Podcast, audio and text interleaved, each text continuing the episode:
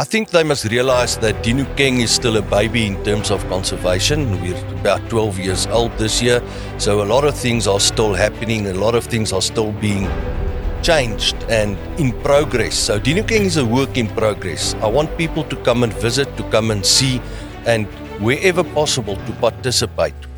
You're listening to Matt's Habitat on the Dinokeng Game Reserve podcast with your host, Wildlife Monitor Matt Temperley. Hello and welcome, friends of Dinokeng Game Reserve. This is Matt's Habitat, and I'm your host, Matt Temperley, a wildlife monitor within Dinokeng Game Reserve. And in this series, we're going to uncover some of the remarkable stories on what it takes to make a place like Dinokeng Game Reserve work. This week, we're going to explore a bit more into the reserve management and how the management authority runs the Dinokeng Game Reserve. My guest today is Hartogh. He's the chairperson of the Dinokeng Game Reserve. And um, Hartogh, if you could just introduce yourself, uh, explain your role within the game reserve, and, and what it is that you do. Hi, Matt. Yeah, nice to talk to you. The Dinokeng Game Reserve has got three structures. The first of all is the Landowners Association, which involves all the landowners. Under that is two different organizations, the DGRMA or Dinokeng Game Reserve Management Association, which I chair, and the other organization is the DGE or the Dinokeng Game Enterprises, who owns and manages the game of the Dinokeng Game Reserve. Fantastic. And um, Hartogh, how did you end up in this position? What um, what uh, drew you to be in this position, and what is it exactly that you do within the the uh, game reserve structure? Hmm. Matt, so first of all, I'm also one of the lucky people that um, came to Dinokeng. We saw how wonderful the place is, and I also uh, was blessed enough to buy a property here. And as I became a landowner, I realized that the Dinokeng Game Reserve, like any large business, has a lot of challenges, and that we as landowners need to get involved to make this business work. So, my main job is to run, maintain the park, and also to make the park a much better place for both the landowners as well as the visitors in the park. Fantastic. Hartogh, how does the work that the Dinokeng management um, do benefit a visitor coming to visit Dinokeng Game Reserve? Matt, I think firstly, you've got to realize how diverse the jobs in the park is. I mean, you, for example, is a wildlife monitor, so you spend all your time monitoring wildlife and physically look for each rhino every week. There are other people involved in maintaining the fences. We have a APU team. We also have various other role players like working on fire, which obviously helps us to keep fires out of the park. We have a national resource management team that assists us with the maintenance of the roads, maintenance of the fences. There's there's so much work in an in a game reserve. It is absolutely mind-boggling to see the infrastructure that we need to service. So whatever you want to do, from water monitoring to bird monitoring, there is a job for somebody in the reserve. Unfortunately, we do not always have the funds to employ all the specialists, but there are people that come here and they do voluntary work in certain fields. Fantastic. And I mean, you spoke about all this infrastructure and what it takes to run a game reserve of this magnitude. Where where does the the funding come in? Where does Dinokeng Game Reserve get its funding to keep it operational? One of our sources of funding is obviously we've got the government as a partner in our reserve, so we do get an amount every month from government, which is mainly to sustain some of the jobs that uh, we have to uh, do. Our biggest income is from gate fees. People who enter the park pay a nominal conservation fee. And then, if you would like the privilege of watching game in your own vehicle, we've got about 180 kilometers of self drive route that we charge a rate per day, like any other game reserve, which allows you to drive in your own vehicle with your family and to watch all the big five that roams around. Fantastic. And I think, you know, what from, from my perspective, what makes Dinokeng unique as well is the various types of um, not only activities, but types of accommodation as well. You know, yes. can you explain a bit more about that and how how what kind of accommodation there's in the reserve and how it might suit different people? We have about 80 lodges in the park that is run by private people. So um, the lodges are all privately owned. The Dinokeng Game Reserve doesn't own a lodge. So the game in the park belongs to all the landowners, but the lodges belongs to individuals. So there are various high-end lodges, like for example, Golden Impalas is a five-star lodge. Um, some of the smaller lodges are much more exclusive. Um, so whatever you want to do, if you got want to get married, there are some wedding venues. If you want to have a brilliant conference, there are various conference facilities like Mongena and Kwalata. And whatever you want to do, whether you want to have a romantic weekend or whether you want to have a year-end function, there are paid people that cater for that. We also have quite a lot of camping facilities from luxury to the people who want to be a bit more rugged. Whatever you want to do, Dinokeng can cater for you. Great. And um, Hartogh, are there any specific projects that the Game Reserve is running at the moment? Yes. Uh, to get funds to maintain the game reserve like that, we have to do projects of our own. One of the projects we do is, for example, we harvest some of our excess game and we have wonderful game meat that is for sale at our shop in, Ndlovu Gate. We also have a project which is working with bush encroachment, like, for example, Sekelbos. We cut Sekelbos and we sell Sekelbos. So anybody who wants to buy braaiwood, we've got beautiful braaiwood at lovely prices. Fantastic. With regards, you know, obviously Dinokeng is a big five game reserve and, and we do need to keep those animals in. So I can imagine maintaining the fences and, and keeping them up to big five specs must be quite a quite a challenge. Can you give us a bit more information about how, how the reserve manages that, how they patrol fences? Yes, Matt, we've got a fencing team uh, that um, checks the fences every day. Um, we have about 210 kilometers of fence that we check every day just to do fire breaks on all those fences is quite a huge job.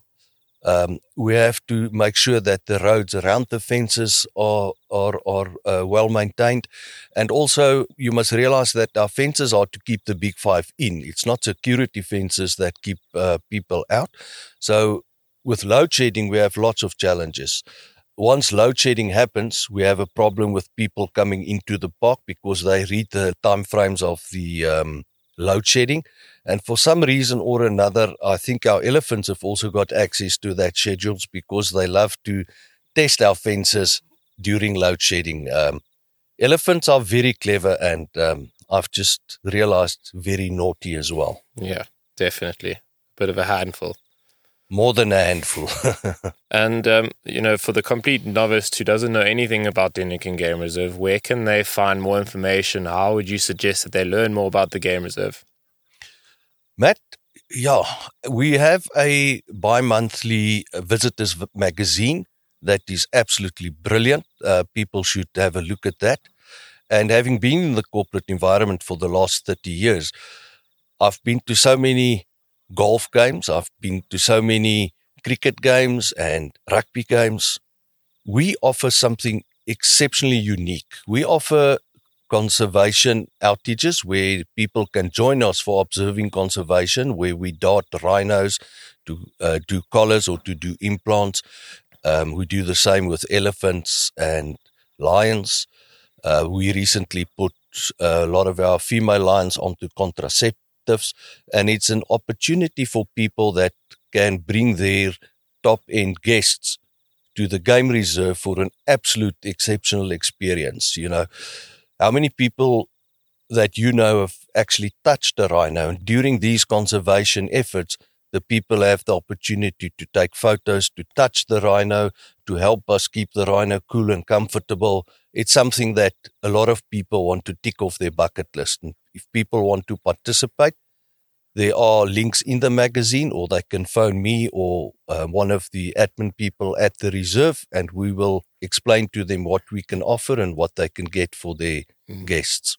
And I think you know, touching on that as well, it, it's uh, the observing conservation series that we have going. It's a, uh, it's like you said, not only a unique opportunity that not many game reserves um, provide, but it's also it's a very um, I think people need to realize that they're not paying for themselves to come and touch a rhino. They're funding the operation. You know, if if, Yes. if we didn't have guests there to come and uh, pay to come and experience it, the the work couldn't be done. Exactly. So your participation is helping to save a rhino. You know, I've seen so many people collecting money and shaking tins for conservation. And when you actually ask them where the money is going, most of that money is going into their pockets or admin fees. Here, 100% of what you participate in goes for conservation. Well, you can you can see it right in front of you with your own eyes. Yes. Your money is contributing to that that Every cent. operation. Yes, you know, and uh, it leaves you, you such a good feeling that I have personally done something. Um, also, for corporate sponsors, we are an NPO, so we can give you a certificate if you need a bit of a tax break. And there's a lot of companies out there that can also aid us. Uh, recently, we've had a large tool company that approached us that wants to help us with the drills and the drill bits and the machinery that we use on our rhinos. You know, there's always like somebody recently said, how many tires do you use a month? So they want to sp- sponsor some of the the tires on some of our vehicles, and whatever your company does can help us with conservation, and it's a hundred percent contribution. There's no admin or middle people that gains or benefits from this. Fantastic. Awesome. Just uh, before we end our talk, a few quick fire questions. Uh, the first one is What is your favorite animal in Dinokeng and why? Matt, we are sitting right now is the view from my bedroom, and my favorite animal is the fish eagle, which resides here. Um, I've seen so many fish eagles catching fish in the dam. They are regularly waking us up in the morning, and it's such a beautiful sound. It's it's absolutely liberating to see and to hear them. Fantastic. And um, you know, when you're not when you're not um, you know involved in the stress of running a game reserve, what do you do here to relax and to what what is your favorite thing to do when you're not working? once again, I'm very blessed and privileged to live in Dinokeng, and my family is my passion. So I'm lucky in the sense that all of my kids are still in South Africa, and spending time with your children and your grandchildren in this wonderful environment is what keeps one going. Perfect. And last one, what um, what is one thing you want the public to know about Dinokeng Game Reserve? I think they must realize that Dinokeng is still a baby in terms of conservation. We're about 12 years old this year. So a lot of things are still happening. A lot of things are still being changed and in progress. So Dinokeng is a work in progress. I want people to come and visit, to come and see, and wherever possible to participate. We obviously, like any reserve, always need resources and money, but we also need people to experience this because if they experience it, they will realize why we have to guard this and look after this place for next generations to come. No, lekker.